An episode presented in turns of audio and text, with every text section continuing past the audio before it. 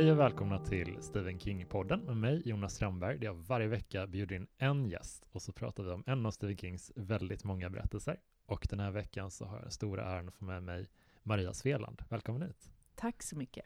Vad kul att du ville komma hit. Ja, men jättekul att jag fick komma hit och vilken rolig podd att få sitta och, och prata om Stephen King. Det är inte så ofta man får tillfälle till det. Alltså, nej, men jag, även om jag får göra det nu via det här konstruerade projektet varje vecka så är det alltid kul att få träffa en ny person och bara höra om, om din relation till King och hur du upptäckte honom och sådär. Och så, så. Ja. Vi, kan, vi kan börja där lite kanske. Hur hamnade du hos King? Om man säger? Hur jag blev ett Kingen-fan. Ehm, ja, nej men jag, eh, jag kommer från en eh, så här, ja, outbildad lägre medelklassfamilj i Örebro. Eh, det fanns inte så mycket böcker i vårt hem. Eh, men jag lärde mig ganska tidigt att läsa och det här, nu pratar vi, jag är gammal, jag är född 74, så att det här vi pratar ju liksom 79-80. Då fanns det inga iPads, det Mm. fanns inga mobiler, annars hade jag säkert suttit klistrad vid en sån. Mm. Så böcker var liksom dåtidens iPad. Det var liksom det som barn, eh, eller många, inte alla, men, men som man kunde liksom... När man hade tråkigt, jag lärde mig ganska snabbt att om man har tråkigt kan man alltid... Eh, man behöver aldrig ha tråkigt om man har en bok. Överlevnadsinstinkt. Ja, eh, och jag tycker det är väldigt tråkigt att ha tråkigt. Jag är inte så bra på det. Eh, så så då, vill jag, då började jag läsa tidigt. Och ganska snabbt så, och mina föräldrar var som sagt inte såna här som tog med mig till biblioteket eller liksom hade en hylla full med, med härlig barnlitteratur, utan det var liksom så här Disney-böcker. Det är inget fel på det, men, men eh, jag ville ha mer liksom. Mm. Och i pappa och mammas lilla, lilla bokhylla så fanns det typ så här Jackie Collins, Hollywoodfruar, kommer jag ihåg. Eh, det fanns Jan Guillou och det fanns eh, en Stephen King. Mm. Och jag tror att det var, det var en gammal utgåva då som pappa hade hittat utav Sommardåd och Vinterdåd. Ja, vad roligt. Ja, och det är ju alltså, de har ju blivit filmer sen, så det är den som sen blev en film som heter Stand By Me och eh, Gröna milen. Mm. Eh, bland annat. Och de, det är egentligen korta, det är noveller, eller liksom, det är lite kortare historier, men Mm. fantastiskt bra. Jätte, jättebra. Kul. Så att jag tror att jag kanske var så här 11, skulle Mm. jag tro, första gången som jag läste. Och, och det Det var är liksom... så tidigt. Ja, det var det. Och jag inser att det var lite kanske tidigt, men det tilltalade en, ett 11-årigt flickebarn från Örebro väldigt mycket. Mm. Jag tyckte att det var så... Eh, men jag minns att det var en sån här läsupplevelse där liksom väggarna försvann. Mm. Och att man bara, jag var helt, jag älskade spännande berättelser också. Det fick gärna vara lite läskigt och det här var det läskigaste jag hade läst. Mm. Eh, och det mest spännande, för innan hade jag läst väldigt mycket Kulla-Gulla och Femböckerna och Ann på. Grönkulla och sådär. Men det här var ju något helt annat. Gud vad, vilken häftig övergång ändå till vuxenvärlden på något sätt, att man doppar tårna på det viset. Ja, hä- häftig i ordets dubbla bemärkelser. och sen så, och sen började jag, så då, då ganska snabbt så började jag liksom önska mig Stephen King-böcker så fort jag fyllde år och sådär. Mm. Och jag kommer ihåg att vi gick, vi, det var något studiebesök vi gick med klassen. Mm. Eh, det hade byggts ett nytt bibliotek i Örebro som de var väldigt stolta över. Mm. Och då skulle vi gå dit på klassbesök och så skulle en bibliotekarie berätta lite om så här, det här fina nya biblioteket. Och jag står där och är lite uttråkad och så inser jag plötsligt att, men gud, det kanske finns Stephen King-böcker här. Alltså nu behöver inte jag vänta ett år på att få dem i julklapp och födelsedagspresent. Jag kan gå hit och låna. Mm. Och så var det så här, är det någon som har några frågor? Jag bara, ja, var står Stephen King-böckerna? Och då har jag sån här, det var sån hemsk, alltså förödande, för då var det en bibliotekarie som bara, ja, nej, den typen av böcker har vi inte här. Alltså nu måste ni återigen komma ihåg då att det här är tidigt 80-tal. Ja. Det är liksom, nej vad kan det vara, ja men mitten av 80-talet då, 84, 85 någonting. Jag är liksom femman, sexan någonting. Mm. Och på den tiden, nu är det ju inte alls så längre med bibliotek. Nu har man ju fattat att det är bara bra om barn läser. Det spelar liksom inte så stor roll om de läser Zlatan-boken eller vilken bok de än läser. Det är bara läs för Mm. tusan. Eh, men på den tiden fanns det liksom sånt där, man hade något projekt. Hon, jag kommer ihåg att hon förklarade det här att vi köper inte in sådana böcker som, som eh, säljer sig själva, utan här vill vi erbjuda böcker som man kanske inte får tag på. Ja, okej. Mm. Eh, och, vi, och sen försök, hade hon någon liten utläggning som jag blev så, kommer jag ihåg fort, fortfarande, att jag kände mig så förnedrad av den. För hon hade också en liten utläggning om att det här inte var riktigt bra litteratur. Eh, och, och det, det skulle aldrig en bibliotekarie säga idag, men, Nej. men så var det då. Och jag kände mig så förkrossad och besviken och bara, men vad fan, liksom. Mm. Eh, så då fick jag fortsätta, men jag förstod, fick jag fortsätta önska mig det då, liksom. Och så fort jag hade lite pengar så kunde man köpa en pocket och sådär. Men jag förstod ganska tidigt att det var inte så här, det var inte jättegångbart att tycka om Stephen King. Mm. Det var inte så fin litteratur. Det gick Mm. inte hem hos lärare. Jag, jag gick annars hem ganska bra hos lärare för att jag läste mycket och liksom var inte jättestökig och sådär. Mm. Men Jag kommer ihåg också på högstadiet att jag hade väldigt mycket diskussioner med svenska läraren som också försökte liksom förstå hon, så här, varför det var så himla bra och sådär. Jag bara, men det är ju fantastiska historier. Så. Eh, men, men det var inte populärt. Och, sen så, och jag kommer ihåg det också från de av mina vänner som kanske kom från lite mer kulturellt akademiska fina hem. De läste inte Stephen King. Jag var ganska ensam om det. Mm. Så det blev mer och mer. Det byggdes upp också parallellt med att jag älskade honom, Mm. hans böcker, och läste allt jag kom över. Mm. Och han, alla som vet lite om Stephen King vet att han är extremt produktiv. Det finns Alltså, alltid en till. Ja, ja, ja. Det, är- det är typ, ibland har han gett ut så två, tre per år. Ja. Och ofta en per år. Jag tror att det är sällan det har gått mer än ett år. Ja, men du, du är författare. Ja. Hur, hur vanligt skulle du säga att den här typen av produktionstakt är? Väldigt ovanligt. Han, han, jag vet att han har sagt någon gång i en intervju att eh, så här, när han får frågan om hur mycket han skriver, då brukar han säga att jag skriver varje dag utom jul och eh, vissa andra högtidsdagar, har han Mm. sagt. Och så, säger han, och så sa han efteråt, men det säger jag bara för att folk inte ska tro att jag är helt vansinnig, för i själva verket skriver jag varje dag. Liksom. ja. Och jag, det är säkert sant. Nu kanske han har lugnat ner sig lite, men, men eh, jag, nej, han är nog exceptionellt produktiv, Mm. tror jag. Ja, men nu har vi jag har inte hunnit gå igenom alla hans böcker i podden än, men hittills så har jag inte riktigt stött på någon som känns så här frånstötande dålig. Om man säger att, att det känns som att oj, den här hastade du verkligen igenom. Det finns ju säkert så, men vad ska man säga, jämnheten i kvaliteten är ändå ganska hög för att ha en så hög produktionstakt, upplever jag. Hur känner du kring det? Ja, ehm, ja alltså jag tänker så här, man läser inte Stephen King kanske för, för liksom hans språkliga ekvilibrism, liksom, utan man, Mm. framförallt tycker jag att han är en, han är en storyteller av Mm. Guds nåde. Alltså han, han är så jäkla duktig på att liksom berätta fantastiska historier.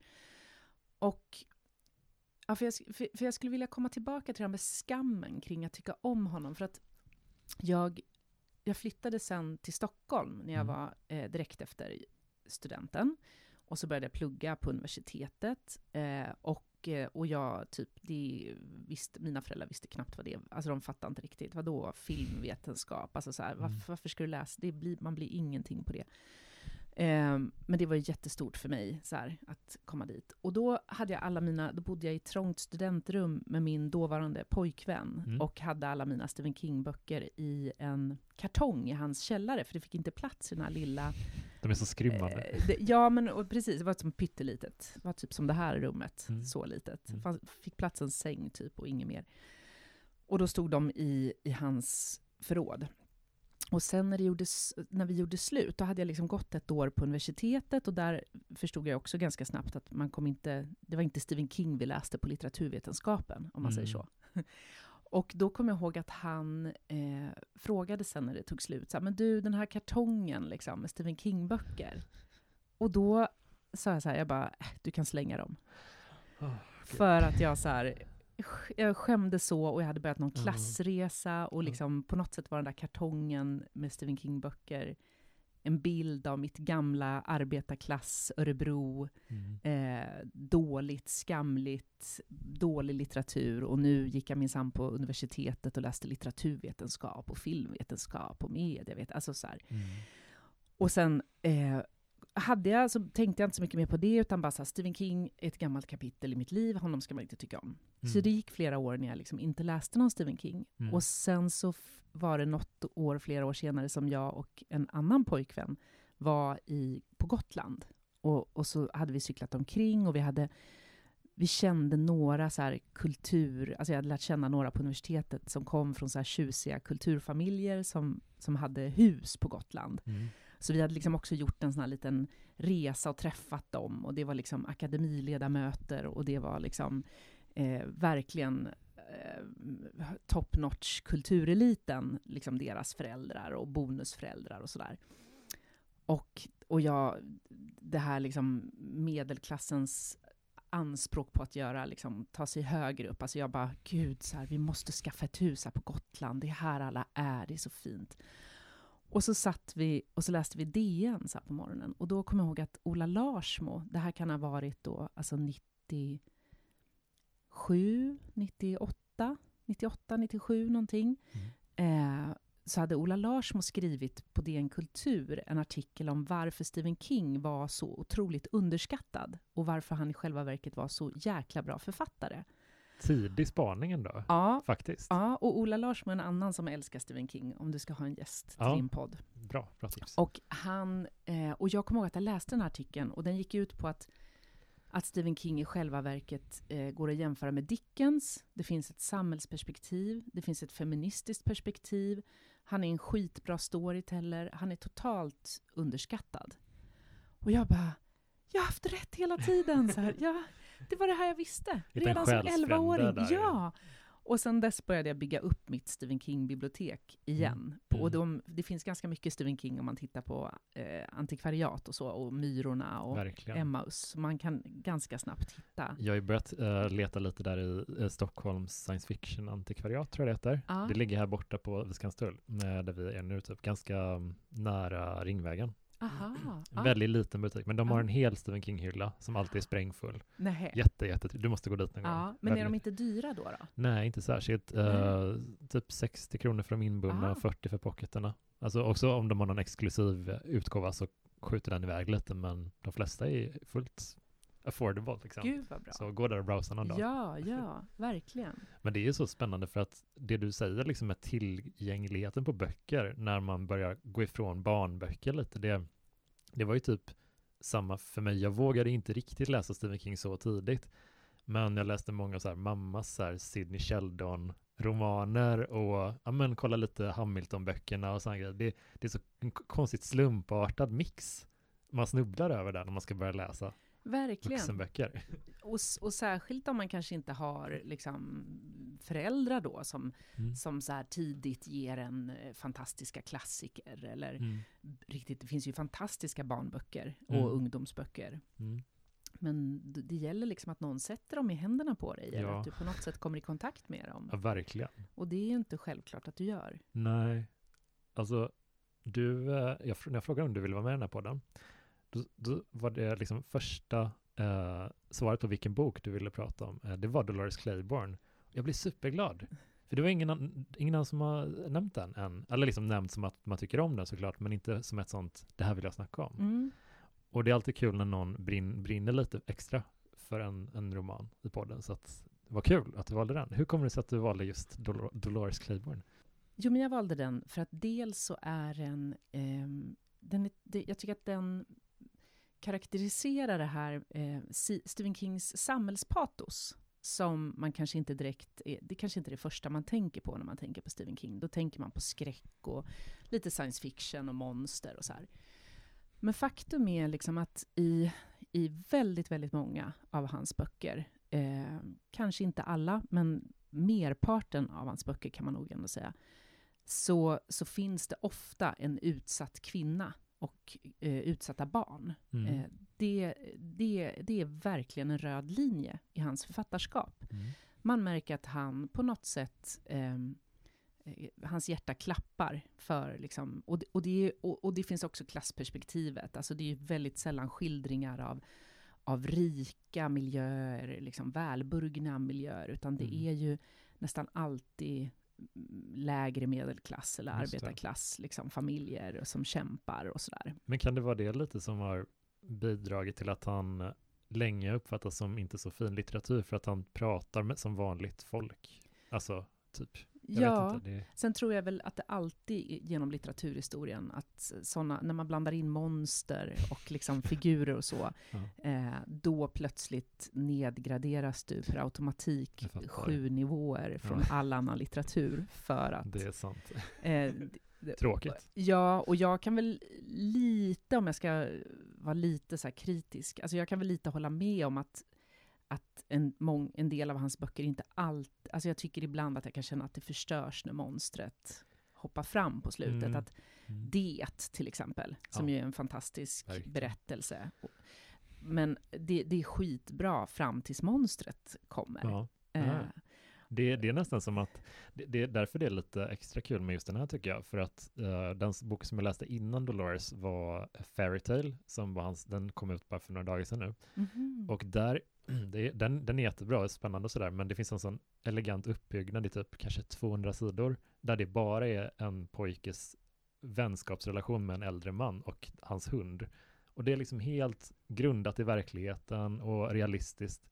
Man hade kunnat stanna där hela, hela storyn. ja, Sen så blir det ju också bra sen, men det är något man, hallå, var vi tvungna att lämna det här? ja, ja. Och sen får man ju då använda sin, sin fantasi och tänka att monstret är ju en bild, Mm. liksom en symbol för ondskan. Eh, och i hans böcker så tar det bilden av en, ett monster, men det är ju ofta liksom en pappa som är ett monster. Mm. Eh, det, det är ofta någon man som är en hustrumisshandlare och så. Mm. Men i Dolores Claiborne finns det väldigt lite magi. Mm. Eller det, det, den är ju ganska socialrealistisk. Mm. Mm. Och jag tycker att den är lite spännande också för att den är uppbyggd som en enda lång monolog. Det var jag så överraskad över. Ja. Jag, jag, jag läste faktiskt den på en, en söndag eftermiddag slash kväll i ett svep för att dels för att den var så spännande och dels för att det inte fanns några naturliga pauser. Nej, Så man bara, "Ja, jag fortsätter väl då. precis.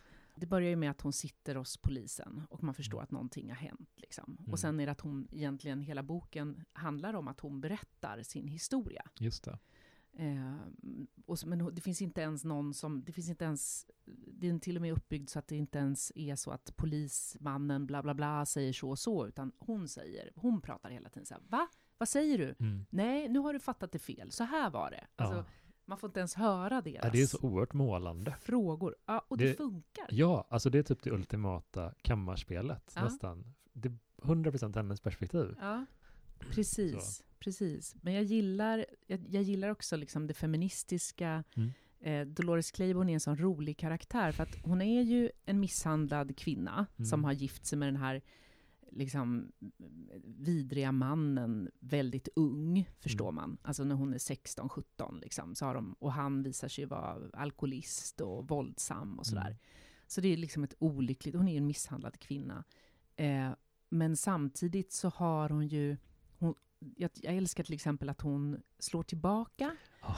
att hon vid ett tillfälle liksom Ganska tar, kvickt också. tar upp bara, ska yxan och bara, du- dig. nu är det sista gången du slår mig, annars Ja. kommer jag döda dig. Ja. Men, och han bara... Hon Men- känner ju att han är en ynklig person Ja, hon för- i hjärt, alltså på botten. av- Ja. Så hon lyckas ändå liksom Mm. ehm, få honom att på något sätt sluta slå henne.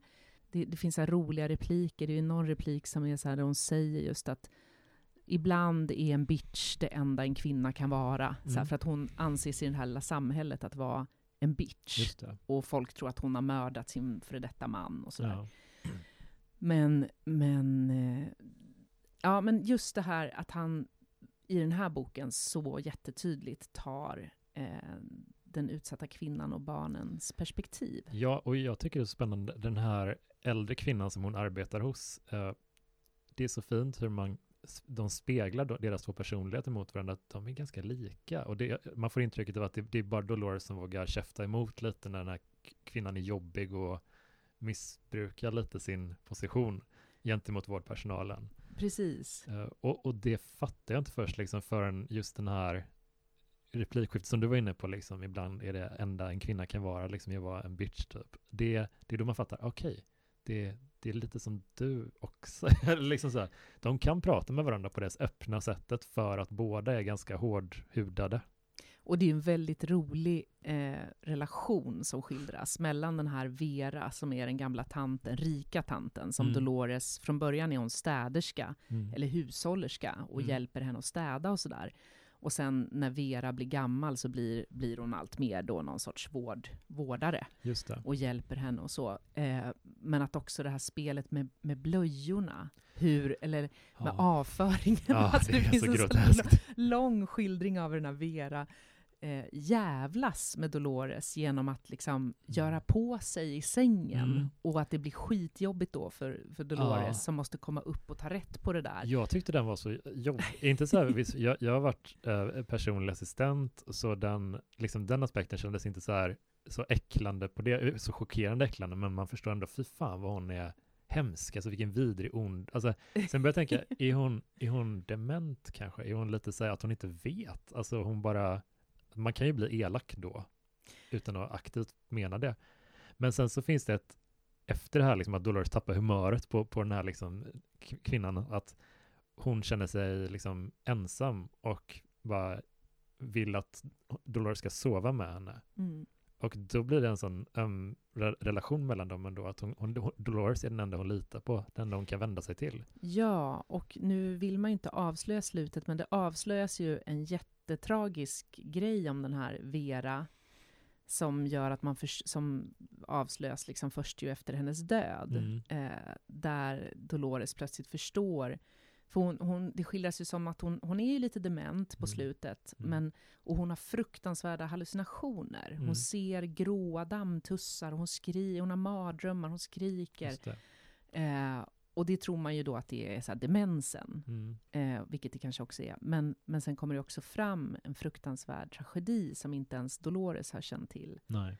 Och då förstår man plötsligt den här Vera mycket bättre. Vi kan börja spoila lite nu känner jag. Ska vi det? Ja, vi gör det. Eh, så om man inte har läst den här boken, den är en, en väldigt snabb läsning. Man kan läsa den på en, en eftermiddag och en kväll och den är jätte, jätte engagerande hela vägen igenom. Läs den, pausa och så kommer vi tillbaka till podden sen. Men eh, vad känner du när, när Dolores då slutligen lite på inrådan av Vera bestämmer sig för att ta livet av sin man? Hur upplever du den planen? Hur hon liksom sätter ihop den i, i huvudet? Mm, hennes jag, process liksom och hennes besluts... Ja, och då behöver man... Få, är, vi, är vi liksom inne nu att vi får spoila? Helt fritt. Ja, så att alla som inte vill höra mer nu får stänga av och så får de läsa den och sen sätta på. Ja. ja. Nej, men det är ju att den här mannen har börjat förgripa sig på flickan, mm. på dottern. Mm. Och det är då Dolores inser att han ska dö, för att så här, han kommer inte sluta. Och hon upptäcker också att han har tagit pengarna. Först försöker hon ju för det är ju det. Först tänker hon så här, när hon, får, när hon förstår att han har förgripit sig på deras tonårsdotter, mm. då tänker hon så här, okej, okay, vi, vi flyr. Ja. Jag går, hon har satt in pengar, de här hårt förvärvade pengarna som hon har fått genom att vara hushållerska. Mm. För han har ju inte bidragit särskilt mycket till hushållsekonomin, Nej, förstår man. Han super, han spelar, beter sig bara han har typ inget jobb, eller liksom han kör lastbil. Jag vet inte vad jag, han gör. Jag tror att han har hankat sig fram, om jag minns rätt, att han har hankat sig fram lite med sina anonyma alkoholister sympatier. Att folk ja. så här, jaha, du är en gammal, du är nykter, ja ja, då, det är klart att vi ska ge dig en chans. Just det. Att, som jag minns det så är det lite sådana tillfälliga tjänster här och där som Precis. man har jobbat sig fram med. Så det är liksom Dolores som är the breadfeeder? Ja, ja, hon har liksom. dragit in hela tiden. Och, och, då, och, så har hon dessutom då gått och satt in i boken, det är det inte i filmen heller, men i boken är det två barn, mm. eller till och med tre. Det är två, en pojke och en flicka. Är det tre barn kanske? Ja, det är kanske till och med två eh, pojkar och en flicka. Jag tror det. Och då har hon gått in och satt in pengar på ett sparkonto till deras college mm. eh, i alla, alla år. Liksom.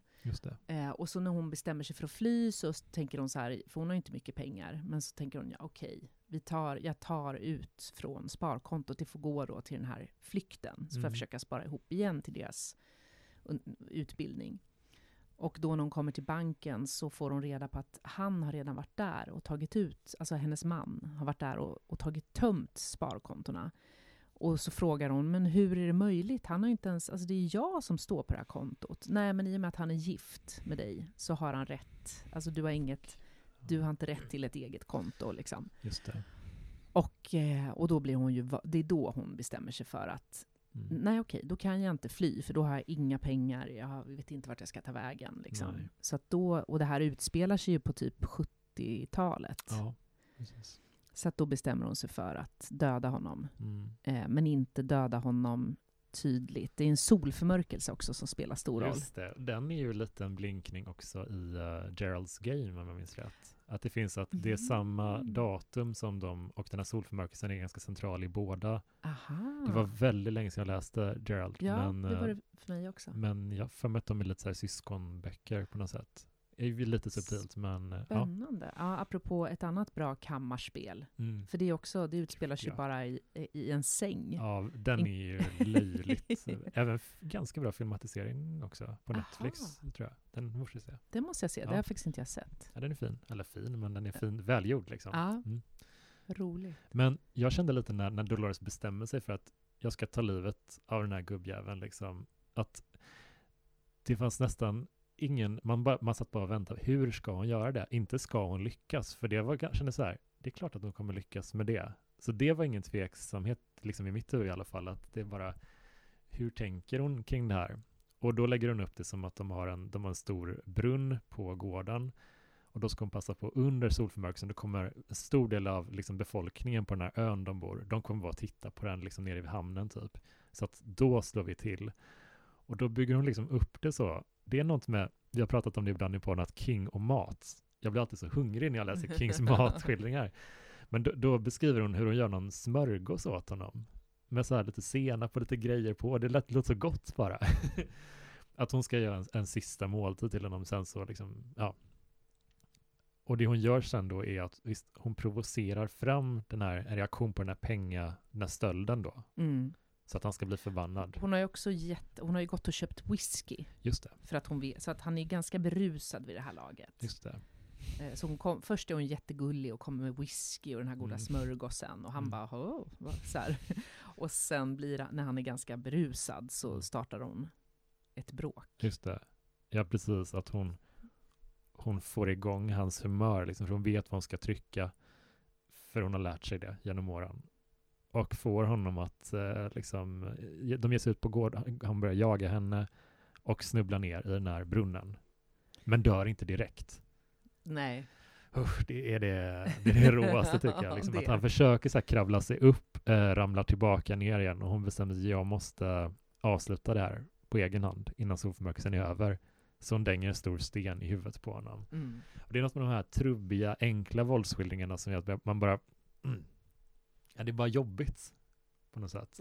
Ja, gud, det är jättehemskt. Och sen har hon ju också mardrömmar om det resten av livet. Hon får syner hela tiden hur han kravlar sig upp och lyckas komma upp och liksom stå vid hennes säng och Just här, spökar. Ja, men hon har ju även tänkt länge på hur hon ska göra det, märker man på något, eller man märker det för att hon blir ju inte riktigt, hon åker inte aldrig fast för det efter mordet. Hon blir förhörd och poliserna tycker sig veta att det var hon som gjorde det. Men de vet också att han har slagit henne och att han beter sig illa, han krökar. Så det känns inte som att de är så engagerade i att sätta dit honom heller. Något sätt. Nej, nej, precis. Det där är inte helt tydligt vad det är, varför. För att de ser ju att han har klättrat upp, Mm. försökt att klättra upp. Och de tycker det är lite så här misstänksamt att hon, eh, det är misstänkt att hon inte har hört honom skrika Mm. från huset liksom. Eh, och sen ser, när de obducerar honom så ser de ju att han har dött av något trubbigt eh, i huvudet. Gud, det är också kul, man, man, man sitter och småflinar. Men det är ju för att det är så, så fruktansvärt tillfredsställande när det väl händer. För att han är, det, det tycker jag är spännande med deras dynamik i den relationen, det är att han är ju, han är en abuser sådär, men hon sätter också motvikt mot det. Hon är inte enbart ett offer. Hon slår tillbaka konstant liksom och Ja. vet hur hon ska hålla honom i schack typ.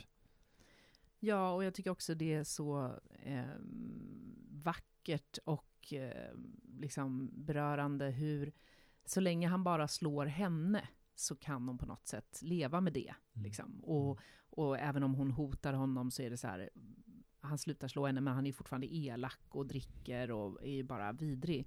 Men då kan hon ändå stå ut. Men Mm. när han ger sig på dottern, då är det så här, ingen eh, mercy längre. Liksom.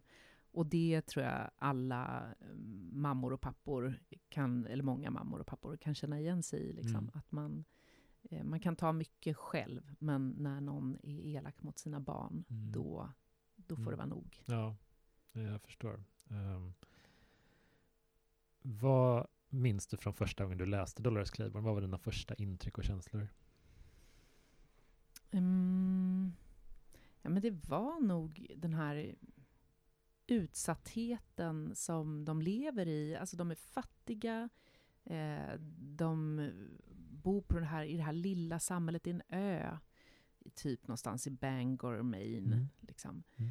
Och eh, att det är... Ja, jag kommer ihåg att jag blev väldigt berörd av den här dotterns... Eh, I boken är det ju skildrat som att hon berättar för mamman Mm. eh, vad till slut. Mamman förstår att det är någonting fel och sen så berättar hon för mamman vad pappan gör. Mm. Eh, för mamman tvingar henne nästan, eller liksom hon verkligen iscensätter att nu ska du och jag prata. Och så åker hon in till stan, eh, till fastlandet med Mm. dottern. Eller kommer och möter dottern efter skolan. Och bara, nu ska vi berätta. Vi lämnar inte den här båten, säger hon tror jag, Mm. förrän du har berättat vad som är fel. Och då kommer det fram mycket, mycket motvilligt. Just det. Och det, det berörde mig jättemycket, för den liksom, känslan av att vara ung tjej och utsatt för alla möjliga mäns blickar och åtrå och eh, våldet. Liksom. Mm. Det, det kände jag eh, berörde mig jättemycket. Och också, ehm, ja, men den här, jag tycker det är så fin skildring av, jag, jag tycker så mycket om Dolores. Mm. Alltså man tycker så mycket om henne. Hon är så redig, kompetent. Hon har Mm. bara inte fått de bästa korten på handen från Nej. födseln. Hon är liksom född så som det ser ut här i världen. Att vissa Mm. av oss föds liksom med silversked i munnen och all, allting är utstakat och vi har det väldigt förspänt och vissa är födda med lite mindre, betydligt mindre medel. Och hon tillhör en av dem, men det är ett sånt vackert porträtt. Jag tycker det är en sån fin karaktär. Mm. Ja, men jag håller verkligen med. Det som jag blir lite chock- chockad över, om man ska uttrycka det, det är när de berättar att hon är 35 år gammal. Jag kände lite, hon känns Jaha. mentalt som en betydligt äldre kvinna, liksom. Att hon, har, alltså, hon är så mentalt hårdhudad. Sådär, verkligen riktigt har varit med mycket skit och så. Hon är tuff. Men ja, hon, hon, hon blir ju mamma väldigt tidigt också. Precis, det är ju det då, att hon kanske blir mamma som 18-åring. Nej, det har jag nog, jag nog inte heller tänkt. Nej, att hon är tyckte det, var, 35. lite- det kändes så här amerikansk småstad, verkligen. Men eh, jag tycker det är spännande att han väljer, eh, jag är väldigt fascinerad över Kings platser, som de här Mm. orterna, typ Derry och Mm. sådär. Och Little Tall Island kände jag bara, fan, jag tror inte att jag vet något annat som har utspelat sig på den här ön. Så bara var jag tvungen att kolla runt liksom bara, jo men Storm of the Century, eh, den, där den här eh, vinterstormen och så kommer en demon och liksom börjar eh, berätta alla öbornas hemligheter, typ. Eh, jättemysig miniserie. Mm, Det är också Little. Tall Island. Ja. Det, men i övrigt så, så tror jag inte det är speciellt mycket som har, de är förskonade från djävulskap liksom. Vad roligt. Alltså det, vore, det vore ju så kul att göra en sån här Stephen King-resa. Ja, gud ja. Åka till Bangor. Alltså, har du Och sett hans, de här portarna till hans... det är nästan så här bara, nu har du tagit i Ja. fladdermössen och Ja. grejer. Nej men och att han tydligen har så gjort, eh, han har liksom donerat massa pengar till skolbiblioteket och någon fotboll, sjukhuset och Mm. fotbollsplan. Alltså, som jag förstår det så är den här, den här staden han bor i är liksom jättefattig Mm. och så avflyttningsort. Mm. Och så har liksom Stephen King bara så här pumpat in pengar för att de ska ha kvar en fotbollsplan och ett sjukhus och ett bibliotek. Och han känns genuint hygglig som person. bara. ja. Det får man verkligen för Jag sig. hoppas inte det kommer fram något om honom. Det, det är en sån grej som, man vet ju, alltså han har ju inte gett några sådana signaler eller någonting, men alla ens favoriter, man sitter ju alltid, särskilt nu när han börjar bli äldre, liksom, att ja, hoppas inte det kommer fram. Nej, precis. Man kan ju fan aldrig veta. Det har ju Nej. verkligen män man verkligen tyckte var sympatiska, offentliga män, Mm. som, som man tänkte var så himla hyggliga och bra. Nej, man kan verkligen inte veta. Men, men jag tänker att eh, ett gott tecken är som sagt att, inte, att han är ändå, det har gått många år och det har inte kommit fram något. Ja, Och han har varit gift med samma... det tycker jag alltid är så kvinna. ultrasympatiskt med väldigt kända män, när de har varit gifta väldigt länge. Det tycker jag är jättetrevligt. Ja, och sen är det ju så intressant. Jag, jag blir så nyfiken också på hans barn. Mm. För att de, han har ju någon som heter Joe tror jag efter, eh, eh, vad heter han, syndikalist? Eh, Joe Hill. Ja. Mm. Eh, och så har han någon dotter tror jag, eller om han till och med har tre barn. Men jag tror att två av barnen skriver ju själva.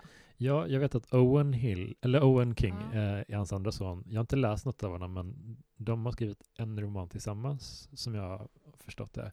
Just det. Så de har ju verkligen tagit efter hans, eh, inte hans ton exakt tror jag. Jag har bara läst en novellsamling av Joe Hill som är superbra, eh, Mhm. som heter 21st Century Ghosts. Den är kanon verkligen. Det kom en, en film eh, version av en av novellerna där som heter Black Phone nu, som går, kanske går på bio fortfarande. Riktigt otäck Jaha. faktiskt. Gud vad roligt. Ja. Nej, men för då, och då tänker man ju så här, då kan det inte ha varit helt... Alltså, fy fan och vilja skriva och så ha Stephen King som pappa. Det måste ju Ja. vara jättejobbigt bara liksom i sig. Verkligen. Och att då de ändå har skrivit, och Mm. till och med kanske skrivit ihop med honom, då kan Ja. han inte vara helt Ja, det känns som att de vidrig. hade mått bättre om de var där. Men det känns som att det måste vara, Brad Pitt har ju en, en bror som jag tror heter Doug Pitt eller någonting som är någon så här, eh, han är någon sån eh, eh, miljöadvokat liksom. Han är jätteframgångsrik inom sitt fält, eller, eller han jobbar med något sånt vikt, viktigt typ. Och, och han är liksom en ganska stilig man liksom, men han står alltid på bilder bredvid Brad Pitt på sina filmpremiärer som bara, du kan inte tjäna på det här, att bli, alltid bli jämförd Nej, på något vis. nej, eller så har han så pass mycket självkänsla Han att bara, han bara, på. jag vill inte vara den där äh, Nej, jag, playboyen. jag gör något jag, helt jag annat. håller på med miljön. Ja. Det känns lite mer viktigt. Ja, men faktiskt. faktiskt. Ja, nej, men jag får för mig, men det här är verkligen mina fantasier, men, men man blir också så nyfiken eftersom att han så sällan gör intervjuer. Mm. Eh, och han är ju väldigt privat. Man vet egentligen väldigt lite om honom. Liksom. Han, Mm. deltar ju in, han fläker ju inte ut, ut sitt liv. Men jag har fått för mig ändå att han ändå har varit en ganska hygglig familjefader. Och att de, de har ju också så här, det här missbruket, som han har, det har han varit ganska öppen med ju. Mm. Att han missbrukade och att de- de till slut gjorde en intervention. Och liksom Mm. Eh, konfronterade honom. Just det. Eh, och det tänker jag att om man kommer ur en sån grej, då kan ju det verkligen vara någonting som bondar en Mm, familj och får mm. den att bli ännu tajtare. Och, och även hustrun, för hon var väl säkert på väg att lämna honom då. Mm. För då höll han ju på med både kokain och Ja, alkohol. grovt. Och, ja, Verkligen. så att, så att ehm, ja, jag får för mig att han, jag hoppas också att han är Mm. snäll. Ja, det, skulle vara, jag skulle vara, det skulle vara så sorgligt. Ja, Men, Alltså jag skulle verkligen bli hjärtekrossad ja, ja, jag med. Men vi har ingen anledning att misstänka det i alla fall. Nej, och man tycker att det kanske borde ha kommit fram. Jag menar nu Mm. efter metoo, som ju var en sorts så här, ehm, gate opener för Mm. väldigt många, där många ändå trädde fram. Mm. Och, och just med, med mäktiga män. Det verkar inte finnas någon sån story Nej, om honom. nej. Nej, vi, det är skönt. Det är väldigt skönt. Vad tycker du, har vi glömt någon, någon liten detalj om, om Dolores här, som, som du tycker vi borde lyfta? Mm. Till exempel, vem, vem, vem skulle du rekommendera den här boken till? Om du så här, hur, ser, hur ser läsaren ut som borde läsa den här boken? Det är det som är så fantastiskt tycker jag med många av Stephen Kings böcker. Att man kan vara 11 år Mm. och vara liksom en ganska nybliven eh, ung läsande person och älska hans böcker. Och du kan vara liksom en äldre medelålders man eh, som skriver för DN Kultur och ändå liksom tycka om Stephen King. Alltså han, det, det, känns ju som att han har en förmåga i sitt sätt att berätta, just för att det inte är så krångligt, det är ganska rakt, det är ganska, och det är väldigt så här, lättläst och det är spännande, du, du vänder blad. Så du behöver inte vara särskilt, du behöver inte ha läst massa poäng på universitetet. Du kan ha gjort det, mm. men du behöver inte det. Eh, och du blir ändå fångad. Mm. Så att alla, mm. ja. tycker jag. och sen om man då har lite svårt för monster, tänker jag. För det, mm. det kan jag förstå, att man känner så här, jag orkar inte läsa skräck. Det kan jag förstå Definitivt. att man inte orkar läsa. Jag gillar mer de här socialrealistiska mm. eh, skildringarna. Ja, men den här är ju förvånansvärt socialrealistisk, tycker mm. jag. Och som sagt, det jag tyckte mest om med den här var nästan hur hela formatet, det kändes så unikt, för, särskilt för honom, att han bara, nej, vi ska skippa kapitel, vi ska mm. skippa styckeindelning, typ. Alltså den bara ja. gasar på. Mm. Uh, och det blir aldrig ointressant eller tråkigt, utan man, man kan bara sitta en hel dag och bara plöja den här boken. Jag, jag tror jag nästan inte varit med om det sedan jag var liten, typ, och läste Narnia-böckerna. Nej. Uh, så, så det var verkligen en, storartad läsupplevelse faktiskt. Ja. Vad kul. Så jag är glad att du fick mig att lä läsa om den här boken. Det var väldigt länge sedan jag läste den. Uh, väldigt fint att få återuppleva den. Så. Och det var jättekul att ha med dig i podden också. Tack så, så mycket. Det var jätte, jättekul att vara här. Ja. Uh, det finns en liten eftersnacksgrupp också på Facebook där man kan uh, diskutera Dolores Claiborne om man har läst den. om man har önskemål om vilka böcker vi ska ta upp så får man jättegärna hoppa in där och, eller bara nörda King. Liksom. Så tack Maria för att du gästade podden. Tack så mycket. Det var jätteglad jag är. Och tack för att du har lyssnat på podden. Du som lyssnar, så hörs vi snart igen. Hej då!